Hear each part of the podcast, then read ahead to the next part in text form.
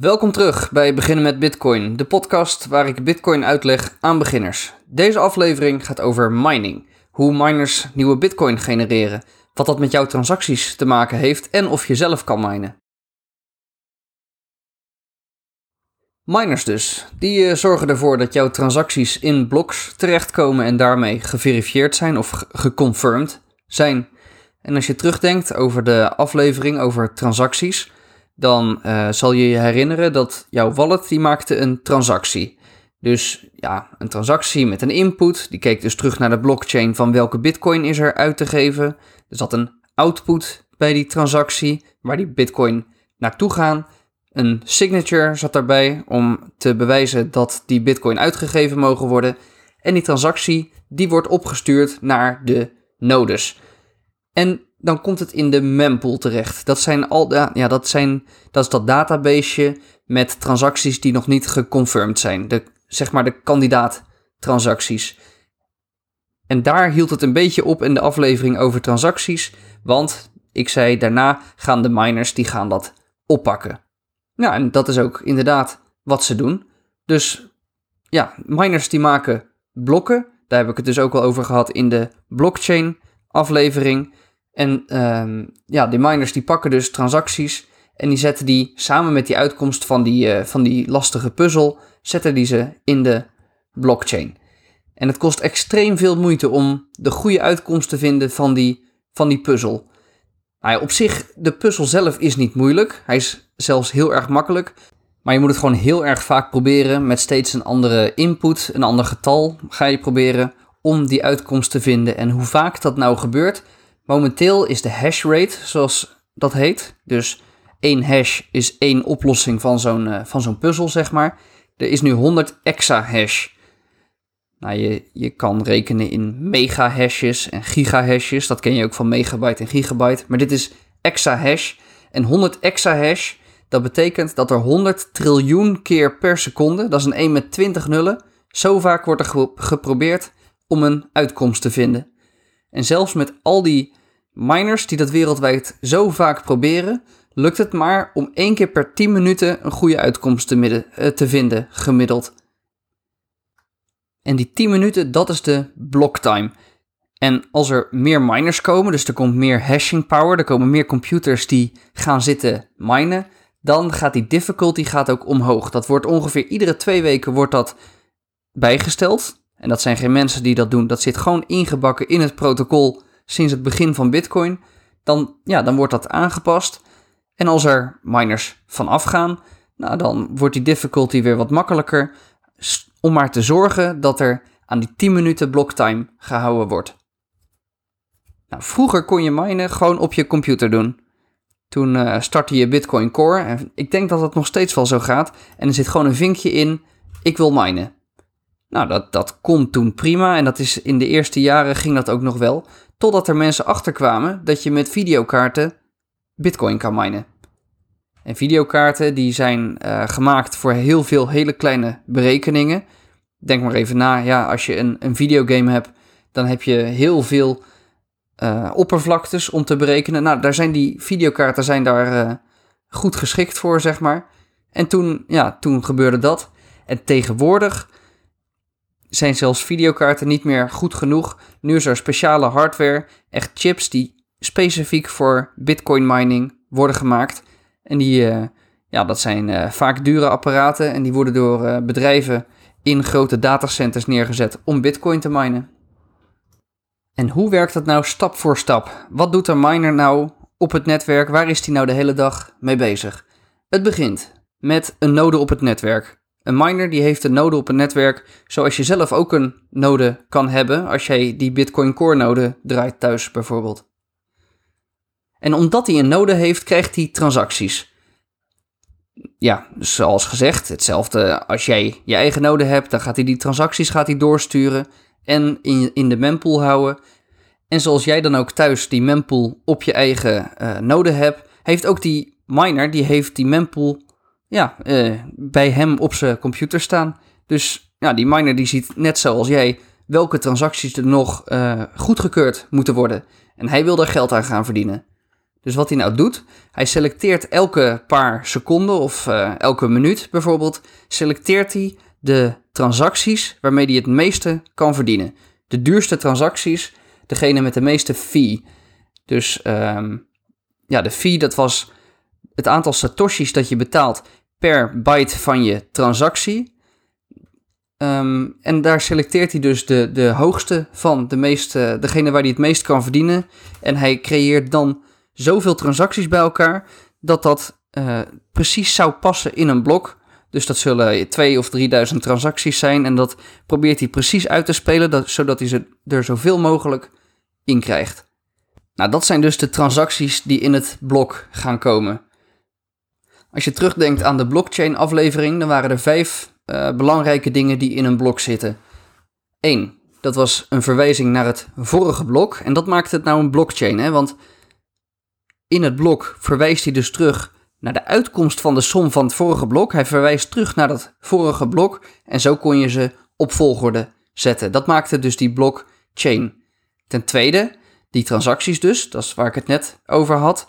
En wat hij daarin doet, dat is ja, wat, wat de input wordt van de som, zeg maar. Dat is niet letterlijk alle transacties, maar een Merkle tree. Ja, dat, ik weet niet of ik daar nu technisch al te veel op in moet gaan, maar het komt er in ieder geval op neer dat alle transacties bij elkaar worden ge, gehashed.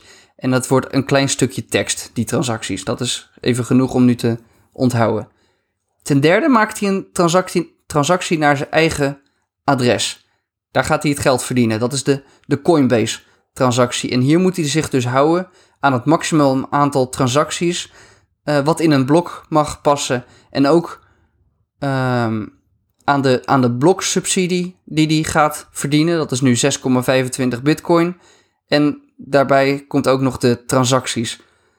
Dus hij heeft die, de transacties heeft hij uitgekozen waar hij het meeste aan gaat verdienen. En hij krijgt daarbij krijgt hij nog 6,25 bitcoin. En dit is dus precies de plek waar nieuwe bitcoin ontstaan.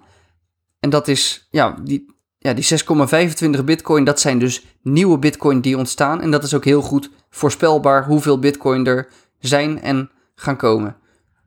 Dan kwam er nog de huidige tijd kwam in het blok, dat was het vierde punt. En als laatste de uitkomst van die puzzel, de hash. En wat daarvoor nodig is, is ook nog, ik noem het maar even een, een telnummer of een nons. En wat dat telnummertje doet, daar kom ik zo op terug. Um, maar dat zijn de vijf dingen die in een blok moeten gaan komen. Dus alles bij elkaar, verwijzing naar het vorige blok.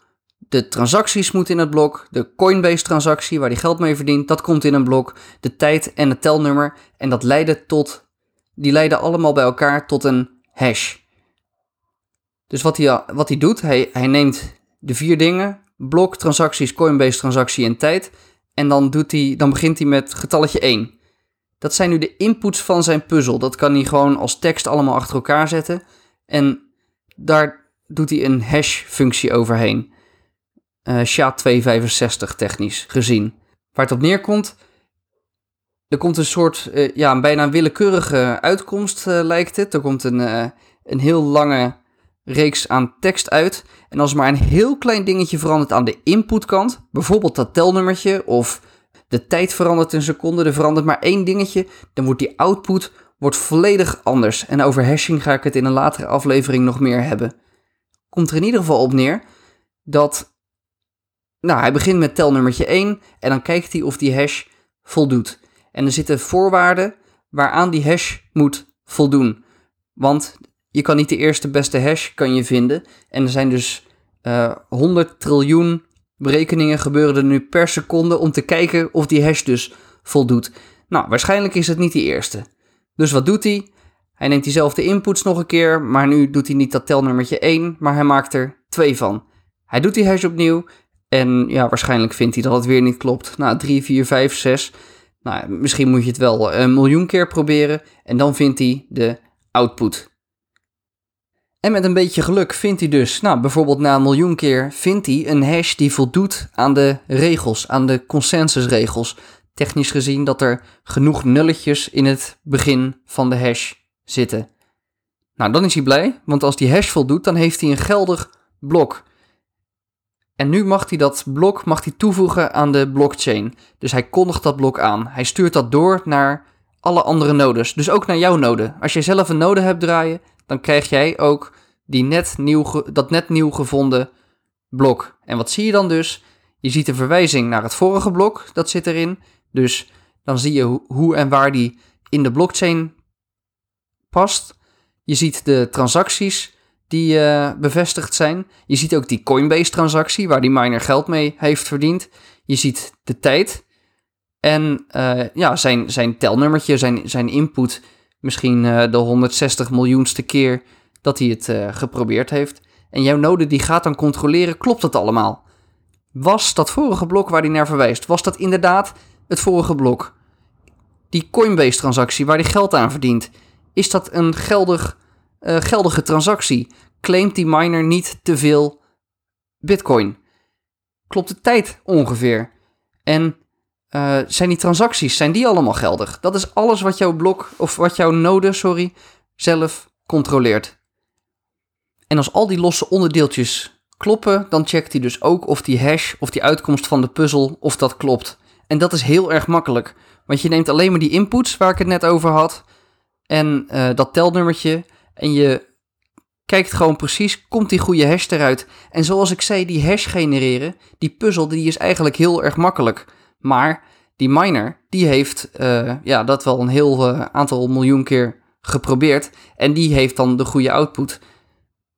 En dat kan je dus controleren in je eigen node. En dat doet dat, ja, iedere node die, uh, die doet dat. Iedere full node die controleert of dat klopt. En nu is het blok gemined. Dus al die mensen die transacties hadden en die in dit blok zijn opgenomen, die hebben nu één confirmation, één, één bevestiging dat, ja, dat dit daadwerkelijk gebeurd is. En dan begint het hele feest weer van vooraf aan. Dus uh, de miners die kijken weer in die transacties die ze hebben gekregen. Wat zijn nu degene, wat zijn nu de transacties waar ik het meest aan ga verdienen? En dat mogen natuurlijk niet opnieuw transacties zijn die in, een, in dat blok van zojuist zijn gekomen. Dan, want als, als ze die daarin doen, dan minen ze een blok met een ongeldige transactie erin en dan is dat blok ongeldig. Nou, dit was de basis van mining. Nou kan er iets heel interessants uh, gebeuren en dat is ook ingebouwd in het protocol. Wat er namelijk kan is dat twee miners tegelijk een blok vinden. Ja, en het protocol heeft daar iets voor moeten verzinnen. Die Satoshi Nakamoto die heeft er iets voor moeten verzinnen om dat op te vangen. En dat uh, is ook gebeurd. En wat dit, ja, dit noemen we een fork. En het is dus, uh, ja, zoals ik zeg, vrij gebruikelijk dat dat gebeurt. Dus er zouden twee miners, misschien eentje in China en eentje in Nederland, die vinden ongeveer tegelijk hetzelfde blok. En die miner in China die kondigt dat aan. En de miner in Nederland die kondigt die ook binnen een paar seconden uh, kondigt die ook een blok aan. Daar zullen ongeveer dezelfde transacties in zitten, maar niet helemaal. Want misschien heeft die ene miner uh, wel een heel ander selectiecriteria voor uh, wat voor transacties die wil toestaan. Dus nu zijn er twee op zich geldige blokken die aan de blockchain zijn toegevoegd. En de miners hier in Europa, die hebben als eerste het blok gehoord van onze miner hier in Nederland. En de miners in Azië, die hebben het eerst die in China gehoord. Ja, dat is gewoon uh, ja, hoe uh, informatie propageert over het internet. Ja, en dit kan dus gebeuren. Wat gebeurt er nu? De miners die gaan gewoon door. Dus de miners in Europa, die uh, zullen waarschijnlijk zien en vinden dat, de, dat het blok van onze Nederlandse miner, dat dat de meest recente is. En die gaan dus nu een, een, een blok minen waar ze terugverwijzen naar het blok van onze Nederlandse miner. En de miners in, in China, die ze, zullen misschien denken dat dat Chinese blok het meest recente blok is. En die gaan in het nieuwe blok dat zij gaan maken, gaan ze terugverwijzen naar dat Chinese blok. Nou, dat is prima. Dus die gaan allebei aan de slag. En uh, op een gegeven moment vindt de een of de ander vindt als eerste het, het volgende blok. En misschien is dat nu een, uh, een, een, een miner uh, in de buurt van China of ook weer in China. En als die nou dat blok vindt, dan kondigt hij dat aan aan het netwerk. En dan zullen misschien de Europese miners een beetje verward zijn. Want die hebben de hele tijd gedacht dat dat Nederlandse blok, dat, wat die Nederlandse miner had gevonden, dat dat de laatste was. Maar goed, uiteindelijk hebben ze ook het andere blok gekregen uit China. Dat hebben ze alleen eventjes aan de kant gezet, omdat ze dachten, ja, ik heb nu toch al een ander geldig blok gezien. Maar nu krijgen ook de miners in Europa dat, dat nieuwe, dat net gevonden geldige blok uit China. En nou gaat een, uh, een regeltje tellen binnen de Bitcoin software. De langst geldige blockchain, die is geldig. Dus de Europese miners die zeggen, hey, er zijn nu twee nieuwe blokken achter elkaar. En dat waren dan die, die Chinese blokken die zijn gevonden. En er was maar één blokje wat uh, die Europese miner, die Nederlandse miner had gevonden. Dus nu is de Chinese, de net Chinees geminde blockchain, die is net een blokje langer. Dus wordt dat de geldige blockchain. En dit kan, uh, ja, dit kan één stapje gebeuren of vijf stapjes. Dat uh, ja, een andere langere blockchain wordt aangekondigd. En dat is uh, precies ingebouwd zo in het protocol. En dat is prima. En de transacties, zoals ik zei, van dat, dat blok wat, wat er toen tegelijk werd gevonden, dat Chinese en dat Nederlandse blok, die zullen ongeveer hetzelfde zijn geweest. Maar als er dus een blok genegeerd wordt, van onze Nederlandse miner dus, nou dan gaan de transacties die in het blok zaten, die gaan terug de mempool in.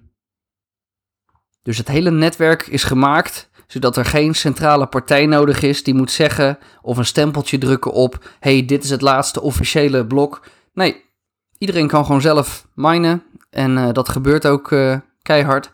En de grootste chain die wint uiteindelijk. Nou, dit is uh, zoals ik zeg iets wat redelijk vaak gebeurt. Maar wat nou ook kan, is dat een miner een blok ziet komen, bijvoorbeeld dat, dat Chinese blok, en die is het daar niet mee eens. Eh, of die wil een transactie ongedaan maken uit dat blok. Wat hij dan gaat doen, die kan dan dat blok opnieuw gaan maken. Dus die gaat dan niet proberen nieuw geld te verdienen met een blok wat daarop bouwt. Maar die wil doen alsof hij dat tweedezelfde blok is. Dus hij gaat dat blok proberen na te maken. Nou, moet je dus nagaan, er is enorm veel rekenkracht voor nodig. Minstens zoveel als uh, nou ja, de kracht die ervoor nodig was om dat laatste blok te vinden. En dan zit je eigenlijk een blok te maken wat al uh, gemaakt is. En er zijn dus al anderen zijn bezig om het volgende blok te vinden. Dus eigenlijk moet je daar ook nog de power voor hebben om nou, snel genoeg te zijn. Nou, hier komt een, een zogeheten 51% aanval om de hoek kijken. En daar zal ik het later nog over hebben. Maar het komt erop neer als je het voor elkaar krijgt als bedrijf om 51% van de, uh, de, de hashing power, ja, van, de, van de rekenkracht, onder je hoede te krijgen, dan uh, kan je nou, best wel slechte dingen gaan doen. Dan kan je opeens uh, transacties gaan terugdraaien. Het is heel onwaarschijnlijk dat dat gebeurt, gelukkig, want dit is niet rekenkracht die je zomaar even kan huren bij een, een cloud-partij als een Amazon bijvoorbeeld.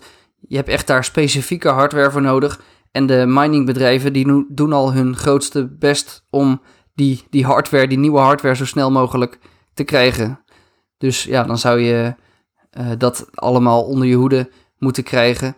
En dan moet je dat ook nog heel lang volhouden. Je moet de stroom moet je erin uh, gaan uh, doen. Ja, en het dan heel lang volhouden om een paar blokken achter elkaar te minen. Die jouw werkelijkheid zijn, zeg maar. Nou, en om deze reden, dat er eens een blok tussen kan zitten van een miner die het niet zo uh, goed voor heeft met het Bitcoin-netwerk. Daarom wil je, zeker bij grote transacties, wil je op zes bevestigingen wachten. Want zeker na zes blokken is het echt zeker dat dat niet meer teruggedraaid kan worden. Dan heb je zo achterlijk veel rekenkracht nodig, dat is niet, uh, dat is niet te doen. Nou, een paar dingen. Misschien denk je, dat minen, dat wil ik zelf ook. Nou, wat het uh, is, het is echt een, een race naar de bodem, zeg maar. Het is echt een enorme marge-industrie. Dus uh, wat miners nu doen, de grootste kosten, dat zijn energiekosten. En wat ze doen is, ze proberen plekken te vinden op aarde waar de energie het goedkoopst is. Ja, en waar is dat? Bijvoorbeeld uh, in, in China heb je grote waterdammen. Het regenseizoen is toevallig net begonnen nu ik deze podcast opneem. En uh, ja, door die waterdammen is er enorm veel uh, groene energie beschikbaar. En die wordt dan gebruikt voor bitcoin mining. En om nou goed te kunnen minen, heb je echt een lage energieprijs nodig. Van bijvoorbeeld 3 cent per kilowattuur. Nou, daar kom je in Nederland kom je daar niet aan. Zeker ja, particulier niet. Dan, volgens mij betalen we hier 25 cent of zo. Dus ja, het is niet echt. Het loont niet om zelf te gaan minen thuis. Laatste opmerking. Die, die, die Coinbase transactie, de, het geld wat de miner heeft verdiend, dat mag hij pas na 100 blokken uitgeven. Dat is zo uh, ingesteld. Nou, dit was een, een relatief korte samenvatting over minen. Ik hoop dat het duidelijk was. Deel de podcast alsjeblieft als je mensen kent die met Bitcoin willen beginnen of er iets meer van willen leren. Dat wordt erg gewaardeerd. Kom ook in de groep als je wil. Er zijn al best wel mensen bezig met hun eigen node bouwen. Het is hartstikke leuk uh, om te zien. Er zitten al 100 mensen in de groep. Die vind je op beginnenmetbitcoin.com. Dankjewel voor het luisteren. Tot de volgende keer. En dan ga ik het hebben over privacy en mixen.